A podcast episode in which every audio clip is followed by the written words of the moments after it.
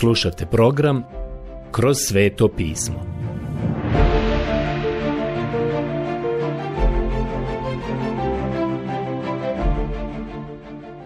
Knjiga Postanak. Odlomak Postanak poglavlje 7 od 23. stiha do poglavlja 8 22. stiha. Prijatelji, danas u našem proučavanju dolazimo do osmog poglavlja knjige Postanka. Ukoliko imate svoju Bibliju, otvorite ju i nadam se da ćete čitati zajedno sa nama. A možda ste već i pročitali osmo poglavlje. Prošli put smo obradili potop. Mi smo govorili o potopu i rekli smo da ima mnogo detalja u koje ne ulazimo, a ja sam citirao iz knjige koju toplo preporučujem. Naslovio je Potop iz knjige Postanka, čiji su autori Henry Morris i John Whitcomb mlađi. Obojica ovih ljudi su kompetentni pisati o takvoj temi. Koristeći njihovu knjigu, danas ćemo odgovoriti na mnoga pitanja. Ne tako davno iz štampe je izašlo nekoliko knjiga čiji su autori ljudi koje smatram pseudointelektualcima i pseudoteolozima. Poznajem njih nekoliko. Oni zauzimaju stav da je potop bio lokalnog karaktera, to jest da je bio ograničen na dolinu Tigrisa i Eufrata. Drugim riječima, Tamo su imali jedan veliki bazen i tamo se sve to odigralo. Mogu vam reći da ova knjiga apsolutno ruši tu teoriju.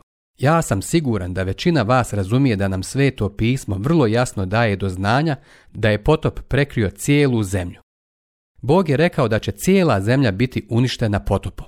I rekao je da će je uništiti. Jer je zemlja puna zločina što ih čine. Zato ih eto hoću da zatrim zajedno sa zemljom. Postanak 6.13 ako kažete da potop nije bio univerzalan, a ljudi su u to vrijeme već stigli u Sjevernu Ameriku i životinje su sigurno bile u Sjevernoj Americi, niko onda ne bi osporio tu tvrdnju. Stvar je u tome da imate nekoga pored Noje ko iznova pokreće ljudsku porodicu. Prijatelji, to jednostavno nije način na koji riječ Božja govori o tome. Ili prihvatate Bibliju ili je ne prihvatate.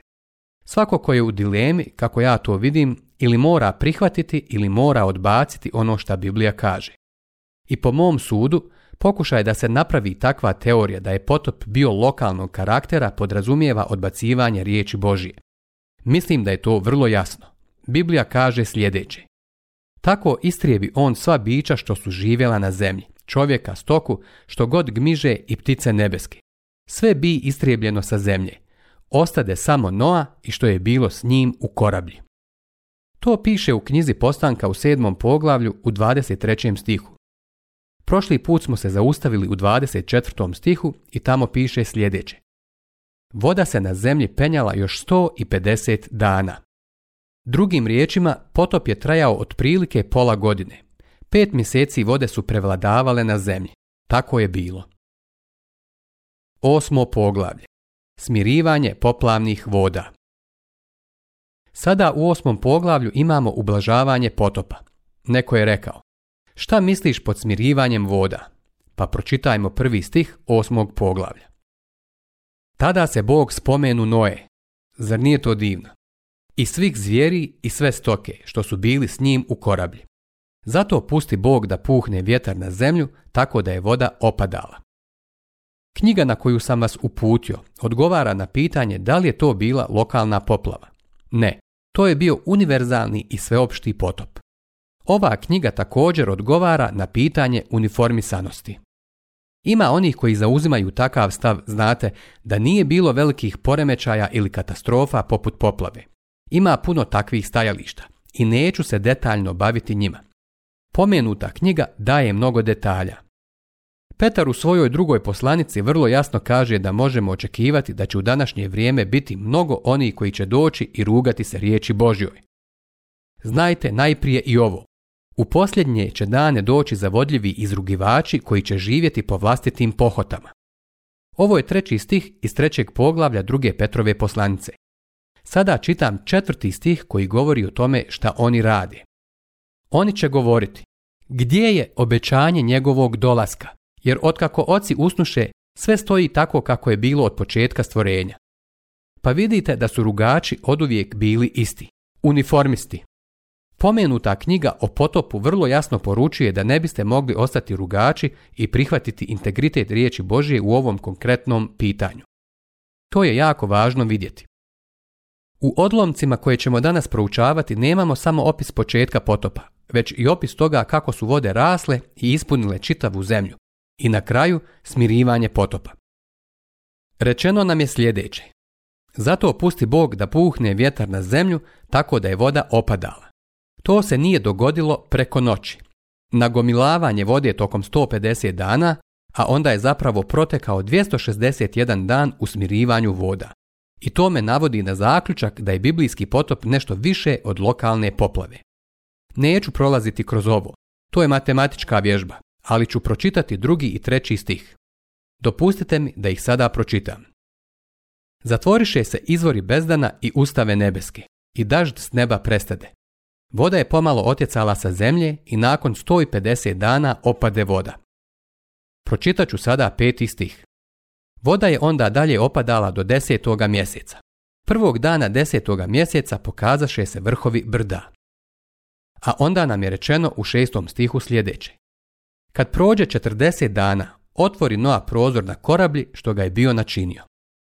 Recimo to da ovdje imamo početak kraja potopa.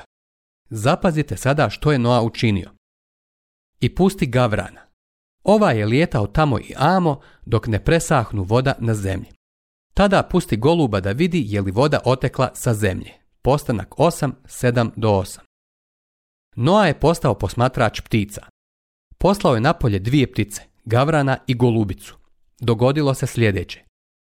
Ali golub ne nađe mjesta gdje bi stao pa se vrati k njemu u korablju, jer je voda još pokrivala svu površinu zemlje.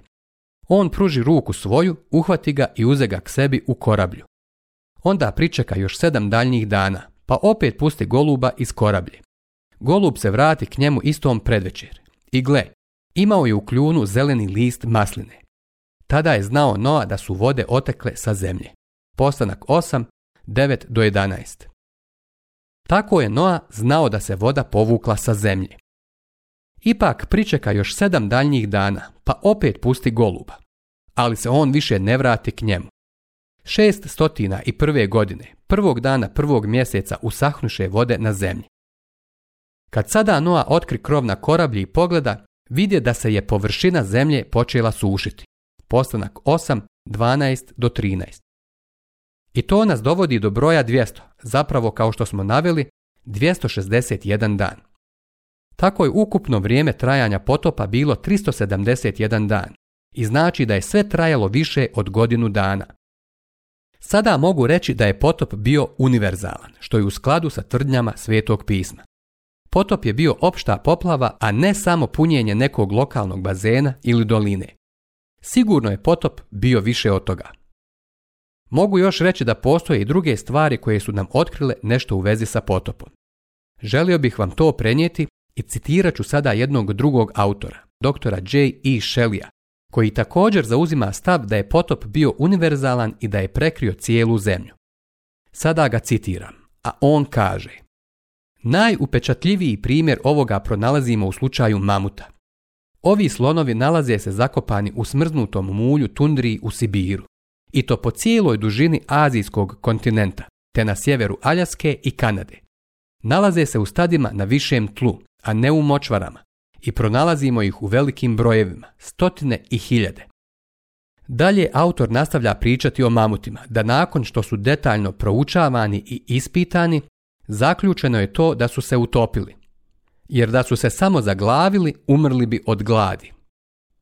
Što se ide dalje na sjever, to ih je više.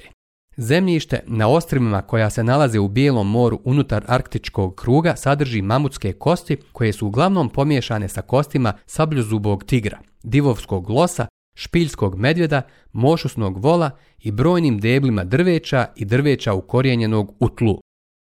U tim regijama danas više nema drveća, a najbliže drveće je udaljeno gotovo stotinama hiljada milja. Mamut se nije mogao hraniti samo kržljavom vegetacijom koja danas raste u tom kraju i to samo tri mjeseca u godini. Uz to, tako mala površina od nekih 100.000 kvadratnih milja ne bi mogla proizvesti dovoljno vegetacije da se samo jedan mamut hrani i ostane u životu duže od mjesec dana. Hrana koja je pronađena u želucima tih iskopanih mamuta jeste bor, grane gloga i tako dalje. Ovi mamuti su bili živi zakopani u mulju još onda dok je taj mulj bio mekan. Oni i mulj su tada iznenada zaleđeni i nikada više nisu bili odmrznuti. Na ovaj zaključak nas navodi činjenica što ne pokazuju znakove raspadanja. Dalje autor nastavlja. Mamutska slonovača se prodaje na londonskim dokovima više od hiljadu godina. Prirodnjački muzej je kupio glavu i kljove mamuta iz trgovine bjelokosti koja se nalazi na londonskim dokovima. Ta glava je bila potpuno svježa i bila je prekrivena svojim izvornim krznom. Neki istraživači su spasili svoje živote od smrti zbog gladi, tako što su jeli meso ovih životinja koje su bile u hladnom skladištu poput nekog zamrzivača oko 4600 godina. Prijatelji, mogu vam reći sljedeće. Ukoliko želite dokaze o potopu i dokaze da je to bila univerzalna i sveopšta poplava, postoji izobilje dokaza, ali je pitanje da li ste voljni da ih prihvatite. Želim sada to ostaviti i pogledati jednu veliku duhovnu istinu koju imamo ovdje u ovom osmom poglavlju. Kada čitamo o Golubici i o Gavranu, vidimo da je stari Gavran bio poslan u izvidnicu. Ovdje vidimo da kada je Bog poslao potop, da je Noa proveo svo to vrijeme u korablji. Tamo je proveo više od godinu dana i zašto sada šalje Gavrana, koji se nikada nije vratio. S druge strane, golubica se stalno vraćala i čak je u svome kljunu donijela malo zelenila, to jest list masline. I ne znam zašto je to oduvijek bio simbol mira, ali tako je. Ne mogu baš prepoznati tu poruku pri prvom povratku golubice, ali kad se golubica uopšte nije vratila, bio je to znak da je sud gotov i da se mir vratio na zemlju. Kada je čovjek izašao iz korablje, bio je to isti tip čovjeka kao što su to bili svi Adamovi sinovi. Tip čovjeka koji je i izazvao potop i doveo do njega kao Božju presudu. Nažalost, nećete vidjeti previše poboljšanja u čovjeku nakon potopa. Zapravo, nije bilo nikakvog poboljšanja. Ovdje se nalazi značajna i velika duhovna lekcija i ne bih htio da to propustite ni za šta na svijetu. Ovdje vidimo nou koji se sada bavi nečim što bismo nazvali posmatranjem ptica. Prvo je poslao Gavrana. Promatrao nebo ne bi li ga ugledao, no Gavran se nije vratio. Zašto se Gavran nije vratio? Morate se sjetiti šta Gavran jede. Gavran jede baš sve. Činjenica je da je puno mesa plutalo po vodi zbog potopa. Možete samo zamisliti koliko je bilo mrtvih životinja i šta je sve plutalo u naokolo. A to je ono što je taj gavran jeo. Na kraju krajeva nije se vratio jer je zapravo išao na gozbu i veoma se dobro zabavljao. Gavran je inače nečista ptica. Golub je s druge strane čista ptica i tako se kasnije spominje. Sjetite se da je Noa uzeo u korablju i čiste i nečiste životinje. Golub je donio povratne informacije. Bio je to običan domaći golub. Noa je sada potvrđeni posmatrač ptica. Nakon svog drugog izviđanja, Golub je donio dokaze da se pojavljuje suha zemlja. Treći put se nije ni vratio, a vode koje su došle zbog osude i zbog grijeha su se povukle. Sada bih opet želio ponoviti nešto što smo ranije rekli. Sve velike biblijske istine su začete u postanku. Biblija uči da vjernik ima dvije naravi, staru i novu prirodu. Ako je dakle tko u Kristu, on je novo stvorenje. Staro je prošlo i gle, novo je nastalo. Druga poslanica Korinčanima 5.17. I čiste i nečiste životinje su bile zajedno. Ti i ja imamo ove dvije prirode. Što je rođeno od tijela, tijelo je, a što je rođeno od duha, duh je. Rekao je to naš gospod u evanđelju po Ivanu 3.6. Apostol Pavle je rekao sljedeće. Znam naime da dobro ne prebiva u meni, to jest u mojemu tijelu. Jer dobro htjeti jeste u mojoj moći, ali nije i činiti ga. Ovo je inače bila borba između dvije prirode, a danas postoji borba između stare prirode i nove prirode u vjerniku.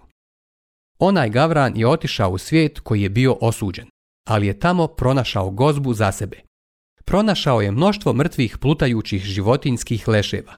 To mu je bila hrana, ono od čega je živio. Naduta, plutajuća lešina jednog dinosaurusa za gavrana bi značila gozbu. Gavran je onda letio u naokolo i gostio se. Mogu vam reći da je to slika stare prirode. Stara priroda je kao taj gavran. Stara priroda voli stvari ovoga svijeta, pravi gozbe na njima. To je razlog zašto toliko puno ljudi gledaju TV u nedjelju večer, a ne idu u crku. O nemojte mi reći da imaš dobar izgovor za to. Imate staru prirodu, ali to nije opravdanje, jer ne biste trebali živjeti u skladu sa starom prirodom. Kada je Golub otišao u svijet koji je bio osuđen zbog grijeha, nije pronašao odmora niti zadovoljstva, vratio se u korablju. Danas je to stvar gledišta. Jedan od tih profesora mi je rekao To šta je ispravno, a šta pogrešno, je relativna stvar. Ono šta Bog kaže da je ispravno, to je ispravno, a ono što kaže da je pogrešno, to je pogrešno. Stari Gavran je otišao u svijet i zavolio je taj svijet. Vjernicima je Bog poručio. Ne ljubite svijet ni ono što je u svijetu. Prva Ivanova poslanica 2.15 Ti i ja danas živimo u osuđenom svijetu. Mi smo u svijetu, ali nismo od svijeta. Moramo ga koristiti, ali ne i zloupotrijebiti. Ne smijemo se zaljubiti u svijet. Danas trebamo pokušati da zadobijemo izgubljene u ovom svijetu i da im odnesemo riječ Božju. Ovo je mjesto gdje moramo odnijeti. Rekao nam je. Tada im reče. Idite u sav svijet i propovjedajte evanđelje svim stvorenjima. Evanđelje po Marku 16.15. Pobrinimo se za to da obavimo svoj posao ovdje dole upravo sada i donesimo riječ Božju ljudima. To je važna stvar. Golub je prepoznao da je u takvom svijetu i nije pronašao sebi odmora osim u korabi. Ta korablja zapravo predstavlja Krista. Sada mi dopustite da vam postavim jedno veoma lično pitanje, na koje treba da sami sebi odgovorite. Koja si ti ptica? Da li si gavran ili golub? Imaš obje prirode, ali u kojoj danas živiš? Voliš li Božje stvari ili ih ne voliš? noa i iskrcajna kompanija. Dozvolite mi da se spustim skroz ovdje i da danas završim ovo poglavlje. Stihovi 18 i 19. I tako izađe Noa i s njim sinovi njegovi, njegova žena i žene sinova njegovih. Sve zvijeri, sve sitne životinje i sve ptice. Sve što se samo miče na zemlji po vrstama izađe iz korablje. Vidimo ovdje kako je Bog sklopio savez sa Noom a mi ćemo sljedeći put vidjeti novi početak kada dođemo do sljedećeg poglavlja. Zapravo ćemo vidjeti da je Bog sklopio savez s njim. Noa sada jede meso. Vidjet ćemo i savez koji ima veze sa smrtnom kaznom. To je vrlo važno. Kada je Bog to napravio sa Noom, učinio je to s cjelokupnom ljudskom porodicom koja je danas na zemlji. Obožavanje i zavjeti zapisano je za nas sljedeće. Tada Noa podiže gospodinu žrtvenik, uze po komad od svih čistih životinja i od svih čistih ptica i prinese na žrtveniku žrtvu paljenicu. Postanak 8.20 Vidite li sada zašto je Noa uzeo po sedam od čistih životinja, a samo po dvije od nečistih? On sada prinosi Bogu čiste životinje. U stihu 21 piše sljedeće. Kad omirisa gospodin miris ugodni, reče u sebi, nikada više neću prokleti zemlje zbog ljudi i makar je mišljenje srca čovječeg zlo od njegove mladosti. I to možemo prihvatiti da je istina. Šta je s tvojom mladošću? Ili tvoja mašta bila zla ili ne? Počinjemo uviđati u našem savremenom društvu da smo danas imali bunt mladih ljudi. I nije li zanimljivo u kom pravcu su oni otišli? Otišli su u pravcu koji je potvrdio da je svaka u ljudskog srca zla još od rane mladosti i uopšte se ne poboljšava. Prije nekoliko večeri sam posjetio jednu osobu u bolnici.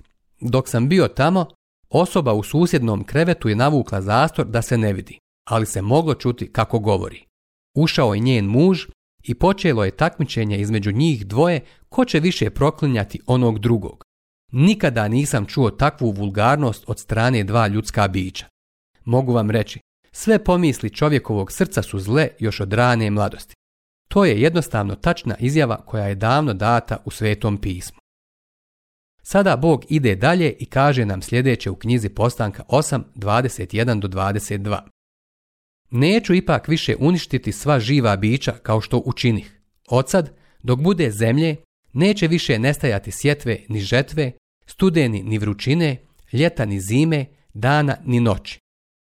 Ovdje je sugerisano da je potop bio tako veliki da je nagnuo zemlju i ona više nije bila na svojoj osi. Zapravo mi inače nismo na svom mjestu, nismo dobro centrirani. Magnetski centar planete se razlikuje od centra oko kojeg se vrtimo. Nešto se dogodilo i poremetilo se. Mnogi vjeruju da se to baš ovdje i baš tada poremetilo. I to je ono što nam riječ Božja kaže da je povezano sa žetvom i hladnoćom i sjemenom, vrućinom ljeta i hladnoćom zime. To nam daje naša godišnja doba. Zemlja se tako okreće. Počela se vrtiti poput čigre koja se ljulja. Sjetite se kada ste bili mladi i kada biste zavrtili čigru kako se ona ponašala. To je način na koji se zemlja danas okreće, a kao rezultat toga mi imamo godišnja doba. Dolazimo sada do devetog poglavlja. U 20. stihu osmog poglavlja spominje se savez. Izvještaj o tome se proteže do kraja osmog poglavlja i tamo otkrivamo kako je Bog sklopio savez s novom i dao mu neke nevjerovatne stvari.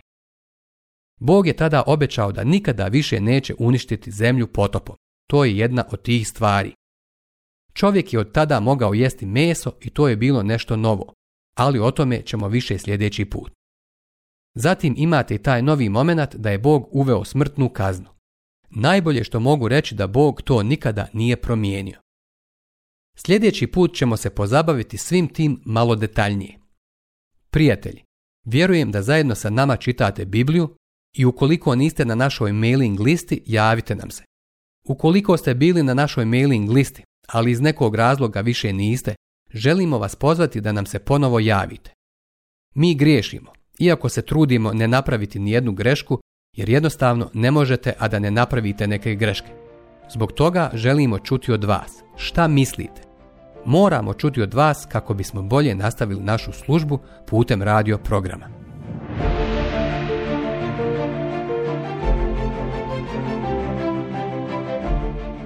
Slušali ste emisiju Kroz sveto pismo. Možete nas slušati i na našem YouTube kanalu putem mobilne aplikacije, te na svim glavnim podcast platformama kao što su Google, Apple i Spotify. Ako vam se naši programi dopadaju, preporučite ih i podijelite s drugima. Budite slobodni da ostavite svoj komentar ili nam pišite na našu e-mail adresu kroz svetopismo.bih at gmail.com Zapratite našu stranicu kroz sveto pismo BiH na Facebooku, i na Instagramu. Emisije iz ove serije možete pronaći na našoj stranici ttb.tw.org.